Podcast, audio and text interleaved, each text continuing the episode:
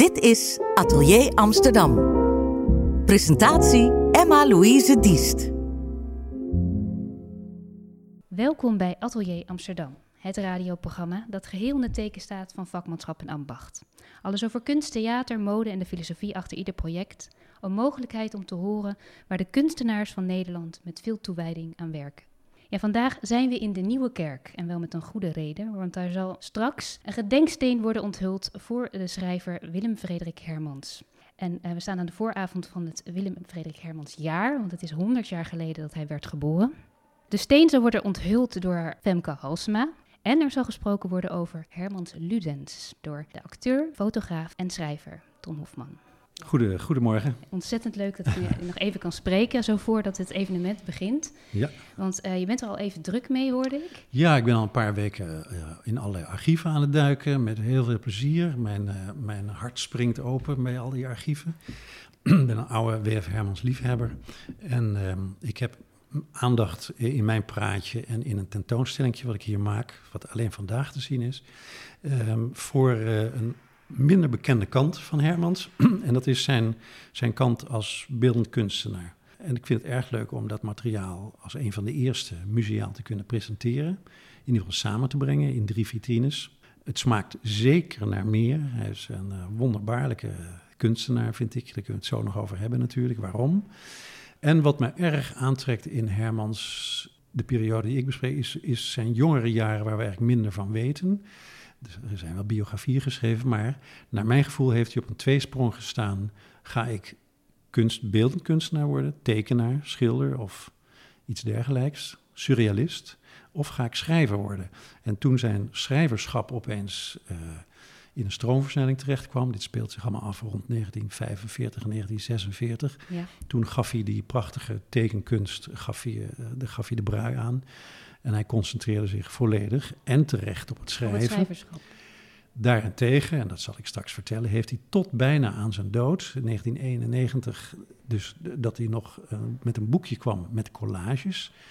Dus tot 1991 minstens is hij in de band geweest van het surrealisme en allerlei uitingen op het gebied van het surrealisme. En heeft zich daarin ook bekwaamd en uh, op een eigen manier een meester getoond in het maken van collages. En die zien we hier vandaag uit de familiecollectie, collectie van het Literatuurmuseum, uit privécollecties. Ik ben allemaal bij verzamelaars op bezoek geweest, wat heel leuk ja, was. Ik hoor al, je zit echt helemaal tot over je oren in het werk van ja, Hermans. niet in het minst, omdat uh, uh, wij straks de dingen allemaal in de, in de vitrines moeten leggen tussen nu ja. en drie uur. En uh, dat, is een, dat is een race tegen de klok. Dus ik ben inderdaad, je ziet mij hier met een gespleten persoonlijkheid zitten. Mijn, mijn halve hersens zijn zijn, zijn daar. Zijn daar, zijn, op, zijn tussen het werk Omdat zelf. we het uh, moeten neerleggen en ja. het moet allemaal mooi zijn, het moet passen en meten. En, uh, je bent dus echt bezig met een soort vertaalslag ook, denk ik. Dat als je duikt in, een, in zo'n enorm oeuvre, daarna moet je gaan kijken natuurlijk, wat voor boodschap ga ik dan brengen? Wat haal ik eruit? Wat neem ik mee? Nou, boodschap is in dit geval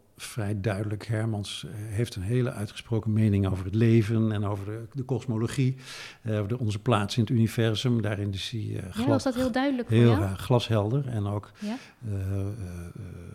Laten we zeggen, uniek in Nederland. Hij is natuurlijk hij is de grootste, hij is de kampioen van pessimisme genoemd. Hij ziet ons bestaan op aarde als tijdelijk, in die zin dat wij als mens eigenlijk niks, niks te zeggen hebben. We hebben geen invloed op het grote geheel. Alles is chaos. Uh, dat moet je eigenlijk zien op het filosofische vlak. Hij ziet dat de mensen heel veel illusies koesteren over hoe de maatschappij geordend En zich daar ook aan vasthouden. En dus zich daar wanhopig aan vasthouden en daarbij ongelooflijk veel bedrog plegen jegens elkaar. En als puntje bij paaltje komt, eindig je altijd met lege handen. En daar gaan al zijn romans over, zijn essays gaan daarover. Um, kan je een essay noemen of een roman die jou zo heeft aangegrepen, helemaal in het begin, de eerste ontmoeting met deze schrijver? Oeh, dat kan ik bijna niet meer. Dat is uh, ja, middelbare schooltijd, maar ook... Echt uh, toen al? Ook later. Ja, ja.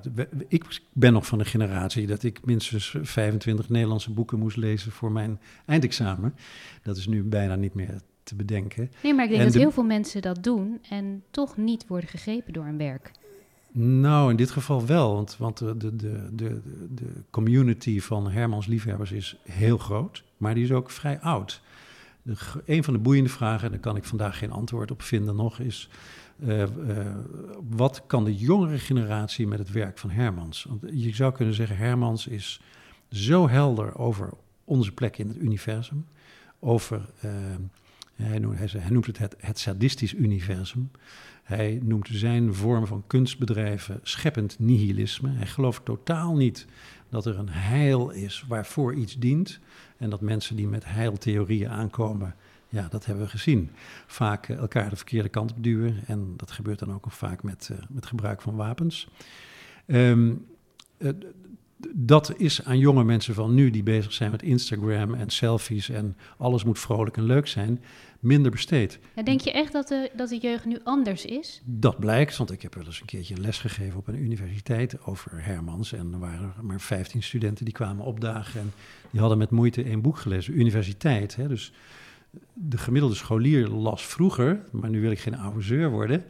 Uh, uh, minstens drie, vier werken van Hermans, van Reven, de avonden, Multatuli was gelezen. Althans, als u op een, op een goede middelbare school zat. En als we inzoomen, wat is dan zo... Um, wat haal je daar dan uit? Ik vind het moeilijk om te hebben over nut en literatuur, want ook dat, dat is soms moeilijk om dat te omschrijven, want je hebt het over iets ongrijpbaars. Maar wat, vind, wat, wat mist mist die generatie? Die nou, ik zeg niet dat de huidige generatie iets, iets anders mist, maar het is echt een andere generatie dan de generatie van toen. En dan, dan zoom ik in op Hermans zelf. Ja. En ook in mijn praatje straks ga ik dat doen. Hermans is, is volwassen geworden in de Tweede Wereldoorlog. Die zat op een school in Amsterdam, het Barlees Lyceum, uh, gymnasium. Waarvan, en er is een prachtige fotobiografie van hem uitgekomen, alle kinderen op het museumplein zijn gefotografeerd. En hij noteert heel droog in zijn fotobiografie van deze kinderen was na de oorlog een groot deel niet meer in leven. Dat is een hele droge, simpele zin, maar je moet je voorstellen dat een jongen van op dat moment 19, die wil gaan studeren, die ziet in de stad om hem heen het geweld om zich heen grijpen, die ziet ook een merkwaardig soort uh, uh, apathie tegenover dat geweld. Want wat kan de bevolking doen? Die ziet in de stad Amsterdam maar liefst 80.000 Joodse mensen worden weggevoerd, inclusief vrienden van hem. Hij ziet ook uiteraard kennissen in de verte die voor de NSB zijn geweest. Um, op dat moment in je leven, als je vol ambitie zit en vol vuur, dan is dat een vernietigende ervaring. En die vernietigende ervaring heeft hem volgens mij heel sterk gevormd als kunstenaar, als schrijver. Die heeft die generatie gevormd. En daarom wordt die generatie schrijvers, Moelisch, Reven, dat zijn allemaal oorlogskinderen. Die, die, die, die, die worden allemaal in één adem genoemd omdat wat zij. Is dat omdat ze een bepaalde noodzaak voelden om echt iets te maken? Een soort van... Uh, ik denk dat het voornamelijk uh, een reactie is, zo noem ik het. Een reactie op de chaos. Een reactie, een, een, een, een verbijsterde reactie op het, op het waarnemen van wat er gebeurt. En de een wordt daar heel idealistisch van.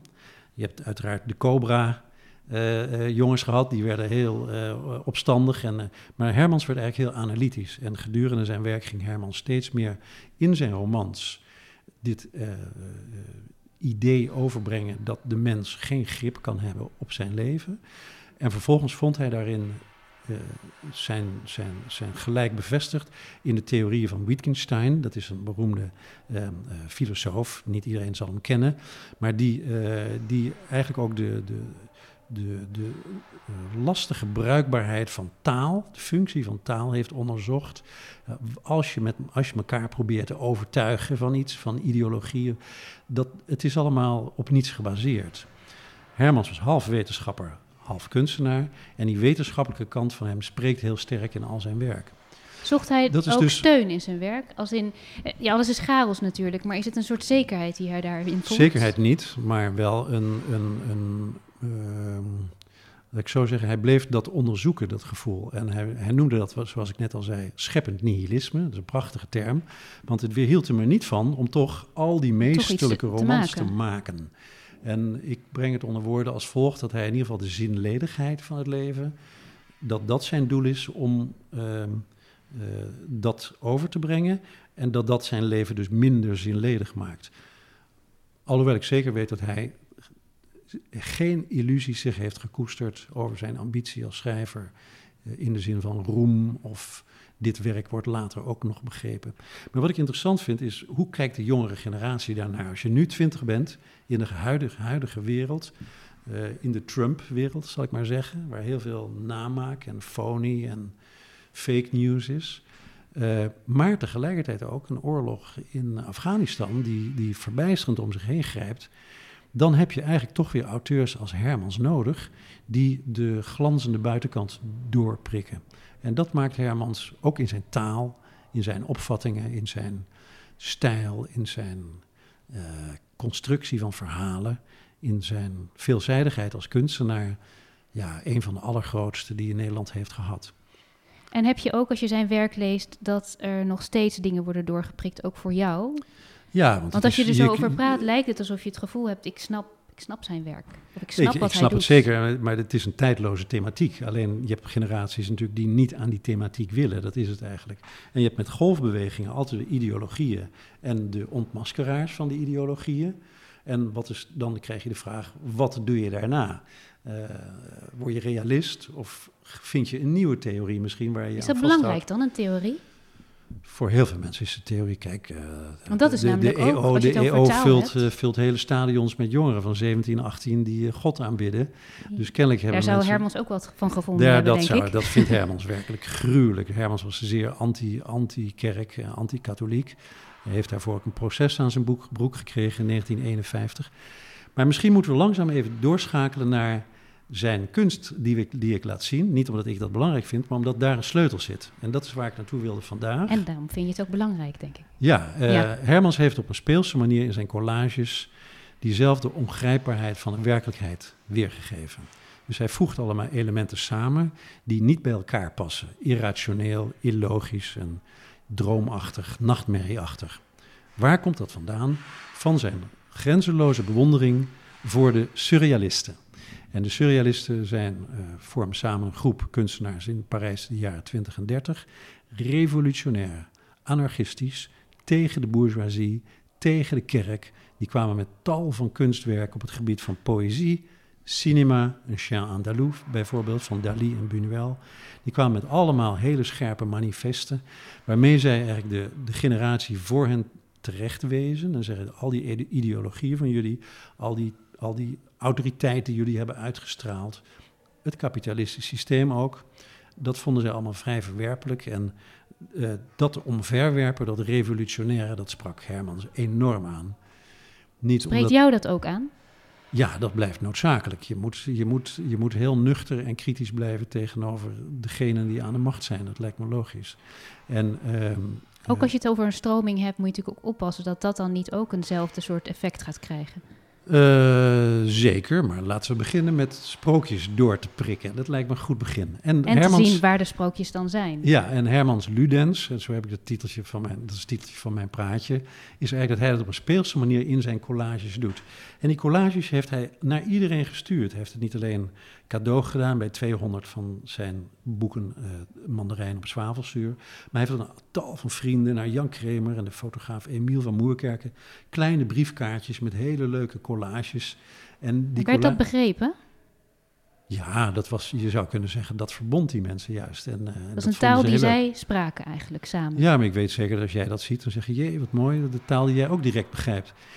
Dus daarom vind ik het wel grappig en nuttig om deze kant van Hermans naar buiten te brengen. Ik haast mij om eraan toe te voegen, ik ben zeker niet de eerste. Er zijn meer academici geweest in ieder geval die, die hierover geschreven hebben en gepubliceerd. Um, of erop gepromoveerd. Maar we gaan eerst voor, het eerst in deze ruimte een aantal van die werkjes bij elkaar zien vanuit heel verschillende bronnen. Letterkundig Museum uit Den Haag, privéverzamelaars, de familie Hermans. We hebben een paar unieke stukken die nog nooit door iemand gezien zijn. Uh, en uh, het was een lust om die mensen allemaal te bezoeken en zodat uit de kast te zien komen en daar als bijna eerste naar te kijken. En dat heeft hij dus tussen 1946 en 1991 gedurende 45, 46 jaar lang met nagelschaartje en potje lijm. Ja, het zijn hij... collagetekeningen voor mensen die niet weten wat het ja. is. Ja. En wat, um, wat zag jij erin? Want je, je kan er heel mooi over spreken van wat voor effect het heeft en Ja. wat, het, wat, het voor uit, wat voor uitvloeisel het is van zijn gedachtegoed. Mhm. Maar wat, wat zie jij erin? Nou, dan moeten we een stapje terug naar de theorie van de surrealisten. En die is dat je nooit moet gaan uitleggen wat er bedoeld wordt. surrealisten zijn natuurlijk um, gaan voortbouwen na de Eerste Wereldoorlog op de theorieën van Freud. Dat dromen zijn heel erg belangrijk. Alleen dan meer in de irrationele zin, niet om te rationaliseren. Ze vonden de droomwereld heel boeiend en onthullend, ook over onze seksuele begeerten, ook over onze gevoelens wat, wat macht betreft of wat uh, slechtheid betreft. Ze wilden daar eerlijk in zijn. Ze, ze, wilden, ze wilden via de écrituur automatiek, het automatisch onbewust schrijven, wilden ze onthullen wat er van binnen leefde, om daarmee dieper te onderzoeken wat mensen beweegt. Dat is natuurlijk een hele, hele, hele mooie zoektocht. Ja, en ook heel um, tegenstrijdig eigenlijk, als je zegt er is geen vastigheid en dan maar blijven zoeken naar de waarheid. Ja, maar dat, dat lijkt in één lijn, zou je kunnen zeggen. Uh, zij kwamen er eigenlijk achter dat de mens, denk ik, heel divers is. Dat de mens heel erg uh, schaduwzijden heeft. En ik kan dat alleen maar visueel illustreren door te verwijzen naar de collages van Max Ernst. Dat is de eerste die daarmee begon. En als je zijn, zijn collages googelt, dan weet je niet wat je ziet. Het is zoiets prachtigs en droomachtigs. Maar gaat dat dan niet in tegen het nihilisme waar we het eerder over hadden? Integendeel, want, want in feite uh, vertel, je, uh, vertel, je, vertel je dat uh, de wereld bestaat uit alle comp componenten die, die niet al te veel rekening met elkaar houden. Die soms niet uit elkaar voortkomen, dus haaks op elkaar staan. En het is geen vooropgezet plan. Er is zeker geen vooropgezet plan. De allerbelangrijkste zin uit de surrealistische traditie is: alles is chaos. Dat is op zich ook weer niet heel nieuw, want dat wisten de oude Grieken ook al. we zijn heel goed in het vergeten wat oude Grieken. Ja, en nu zijn we helemaal rond. Want Hermans was natuurlijk een gymnasiast door het Barlees en was met de oude Grieken geconfronteerd. En vindt die Griekse theorieën schitterend. Er werd veel ook over oorlog geschreven door de Grieken, in, in toneelstukken bijvoorbeeld. En uh, ja, ik, ik kom juist in die gevoelige periode als hij zo adolescent is en bijna uh, naar de universiteit gaat, dan zit dat gymnasiale helemaal in hem. En ik zie daar allemaal gymnasiale thema's. Eros en Thanatos, liefde en dood. Uh, de Minotaurus is een belangrijke figuur, half mens, half stier. En daarom, omdat hij ook geboren is in de Eerste Helmerstraat, heb ik mijn stukje uiteindelijk genoemd. De Minotaurus van de Eerste Helmerstraat. En ja, ik denk dat we daarmee weer iets dichter bij de kern van Hermans kunnen komen. En ben je daarbij ook iets meer bij de kern van jezelf gekomen? Nou, zo zit ik eigenlijk helemaal niet in elkaar. Ik ben een, uh, ik ben een uh, boeken- en uh, museum, museumliefhebber en gek. Je kan mij niet blijer maken dan mij voor deze kast te zetten, die wij hier nu tegenover ons zien, in deze werkkamer. Kast vol met boeken? In de Nieuwe Kerk. Um, naslagwerken en kunstgeschiedenis en geschiedenis. Uh, ik zie dat eerder buiten mijzelf en uh, als, een, als een grenzeloze fascinatie voor wat er in de wereld allemaal uh, te zien is. En daar is Herman een van de, ja, in Nederland althans, een van de bijzonderste fenomenen. Maar je wil daar wel wat mee doen, want je kunt natuurlijk een enorme fascinatie voor iets hebben, maar je wil, wil daar wel een vertaling in maken. Je wil dat Nee, ik wil het niet vertalen, ik wil het naar voren brengen. Ik wil het, niet, ik wil het niet vervormen. Vertalen is een soort naar je eigen hand zetten. Ik, ik wil het eigenlijk in de puurste vorm, zoals ik ook in, in, in, uh, in Rotterdam heb geprobeerd te doen met mijn tentoonstelling over Nederlands-Indië. Ik heb daar uh, eh, 350 foto's over Indië mm, gepresenteerd. Ik wil in de puurste vorm laten zien wat ik aantref eigenlijk, zonder daar direct een eigen interpretatie aan toe te voegen. Heb je dan niet gedacht, misschien ga ik het heel chaotisch weergeven? Nou, uh, dat is een goede vraag. Indië is zeker één grote chaos geweest, in politiek gezien. Kijk, als je het over kunst hebt, heb je het ook over politiek. En Indië is, dat geldt dus voor Hermans en Nederland en de Tweede Wereldoorlog zeer sterk. Dat geldt ook voor Hermans trouwens in zijn latere jaren. Waar stond hij politiek? Maar ook uh, voor, voor Indië geldt dat uh, alles wat je waarneemt, alle romans, alle beroemde romans die geschreven zijn over Indië, daar is de politiek een hele zware onderstroom, zelfs al wordt die niet genoemd. De verhouding tussen Nederland en Indonesië is een politieke verhouding. De naam Nederlands-Indië is een politieke uitdrukking. Het geeft aan dat wij de eigendom uh, dat hadden. en ehm, betekent dat je dus op die manier ontrafelend moet kijken eerder dan... Het was chaos, wij kennen het als chaos. En ik vond bij Indië wel belangrijk om te laten zien waar de aanknopingspunten waren, eventueel. Overigens zie ik daar wel wat meer lijn in organisatie vanuit de Nederlandse koloniale kant. Ja, want je zegt, het is een chaos wat je aantreft. En um, ik wilde eigenlijk gewoon letterlijk weergeven wat ik tegenkom. Ik maak geen vertaalslag. Ja. Maar ik denk zelfs als je je eigen leven optekent, je maakt altijd een vertaalslag. Al is het maar in een. Je, je moet het. Ja, maar ik, ik hou mezelf er ook uh, nadrukkelijk buiten. Ik zou best mijn familieverhaal uit Indië kunnen toevoegen. Maar die, dat vind ik eigenlijk totaal irrelevant ten opzichte van al dat andere. En dat grote mysterieuze drama van Nederlands-Indië. Dus, dus ik heb het niet nodig om mijn eigen kleine dingetje daar nog tussen te proppen. Uh, bovendien puilt de Indische literatuur uit van persoonlijke verhalen. Iedereen schrijft door. Ja, maar ik heb het misschien niet in, in die zin over echt specifiek een verhaal. Maar alleen al als je bijvoorbeeld nu, in, in dit geval, het werk van Hermans tentoonstelt. Ja, het is zelfs zo dat als je het op een bepaalde manier neerzet, dan is dat eigenlijk al een manier van Tuurlijk. praten. Het is al een taal die je gebruikt. Mhm. Dus je zit al in een soort ruimte tussen wat ik aantref en wat ik laat zien. Dus dat, ik vroeg ja, me af hoe je keuzes, daarmee bezig ik maak bent. een ja. selectie, ik, ik, ik, ik, ik, ik geef prioriteit aan bepaalde dingen. Ik zoek een verband. Dit, in dit, hier dan ook nog in het bijzonder, omdat we maar een paar vitrines hebben. Het is geen grote tentoonstelling. Ik kan me heel goed voorstellen, overigens na het samenbrengen van deze onderdelen, dat mensen geneigd zijn om te denken, hé, hey, maak ik iets groots van? En dat ben ik ook zeker stiekem wel een beetje van plan. Ik zie daar heel veel ruimte voor, want het is het schitterend werk, het is intrigerend werk. En um, het roept vragen op, veel meer dan, dan het antwoorden geeft. En alleen al als je vragen kan stellen op een goede manier, dan, dan ben je heel ver, vind ik. En, uh, dus dus uh, laten we beginnen met wat vragen en dan gaan we daarna eens kijken wat mijn persoonlijke interpretatie is. Kijk. En wat voor vragen je, hoop je dat het oproept bij de mensen die het gaan aanschouwen? Nou, de hoofdvraag is natuurlijk, waarom wist, waarom wist ik dit niet? Waarom kende ik dit niet? Hoe is dat mogelijk eigenlijk? Er zijn, er zijn honderden boeken over Hermans geschreven. En uh, hij is een van de grootste, hij wordt genoemd tot de grootste drie in Nederland. Hoe kan het zijn dat hij eigenlijk zo, zo flink vergeten is al? Hij is nog maar een jaartje of 27 dood, als ik het goed heb.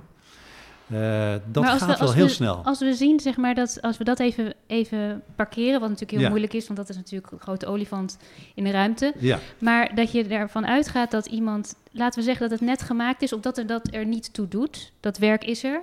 Wat voor vraag zou het kunnen oproepen? Alleen al door niet te denken wie het heeft gemaakt, maar gewoon te kijken. Of te luisteren naar wat je straks gaat vertellen. dat vind ik een hele moeilijke. Dus zover ben ik nog niet. Eigenlijk. Ik heb er twee, drie weken nu heel, heel intensief naar gekeken, dus dat kan ik nog niet zo beantwoorden. Het zijn collages. Collages moet je zien in relatie tot zijn geschreven werk. Dus je komt pas aan vragen toe, denk ik, uh, als je allebei wat langer bestudeerd hebt. En dat zou zeker weer eens moeten gebeuren, zeker door mij. Uh, is ook al gebeurd door academici. Maar um, Hermans, zegt, dat heeft hij in diverse essays en ook filosofische essays, heeft hij dat. Uh, er zijn geen antwoorden. Mensen die zeggen dat er antwoorden zijn, die liegen en die maken dat een ander wijs. En op het moment dat ze dat een ander wijs maken, dan hebben ze er ook bijna altijd wapens bij nodig om dat aan de ander duidelijk te maken. En dat is natuurlijk heel erg ook zijn, zijn levenservaring geweest in de Tweede Wereldoorlog. Uh, mensen overtuigen van een gevaarlijke ideologie. En uh, uh, dat gebeurde hier in de straten om ons heen, waar al die karakters van hem lopen, fictieve karakters in een werkelijke wereld. Ze zijn boeiend. er nog steeds, ze lopen er ze nog zijn steeds. er nog steeds. Al uh, diverse tafereelen van de tranen, de Arcasia spelen, spelen zich af uh, hier vlak in de buurt. Uh, de donkere kamer van Damocles, Ozenwoud loopt daarover er ook in. Uh, bij het Vondelpark, waar hij trouwens ook lang gewoond heeft. Um, als kind, daar spelen zich dingen af. Bij de Berlagebrug spelen zich dingen af. Heel Amsterdam is vergeven van de locaties in Hermans romans. Die, gek genoeg, heel realistisch overkomen. Maar hij heeft wel alles bedacht. En dat is een uniek spanningsveld. En daar ligt zijn unieke creatieve plek in een Nederlandse kunst. Ja. Nou, dan hoop ik dat heel veel mensen um, hier Willem Frederik Hermans ontmoeten. En wellicht dan de stad ingaan en al zijn personages uh, ja, tot leven wekken. Dat zou mooi zijn. Ik ga je heel veel plezier wensen met wat er vandaag gaat gebeuren. En misschien ook wel de rest van het jaar. Ik, uh, ik hoor zo dat dit onderzoek niet gestopt is. Nee, misschien, misschien, gaat er nog wel wat komen. Ja, ja. dankjewel voor dit gesprek. Geen dank, heel graag. Música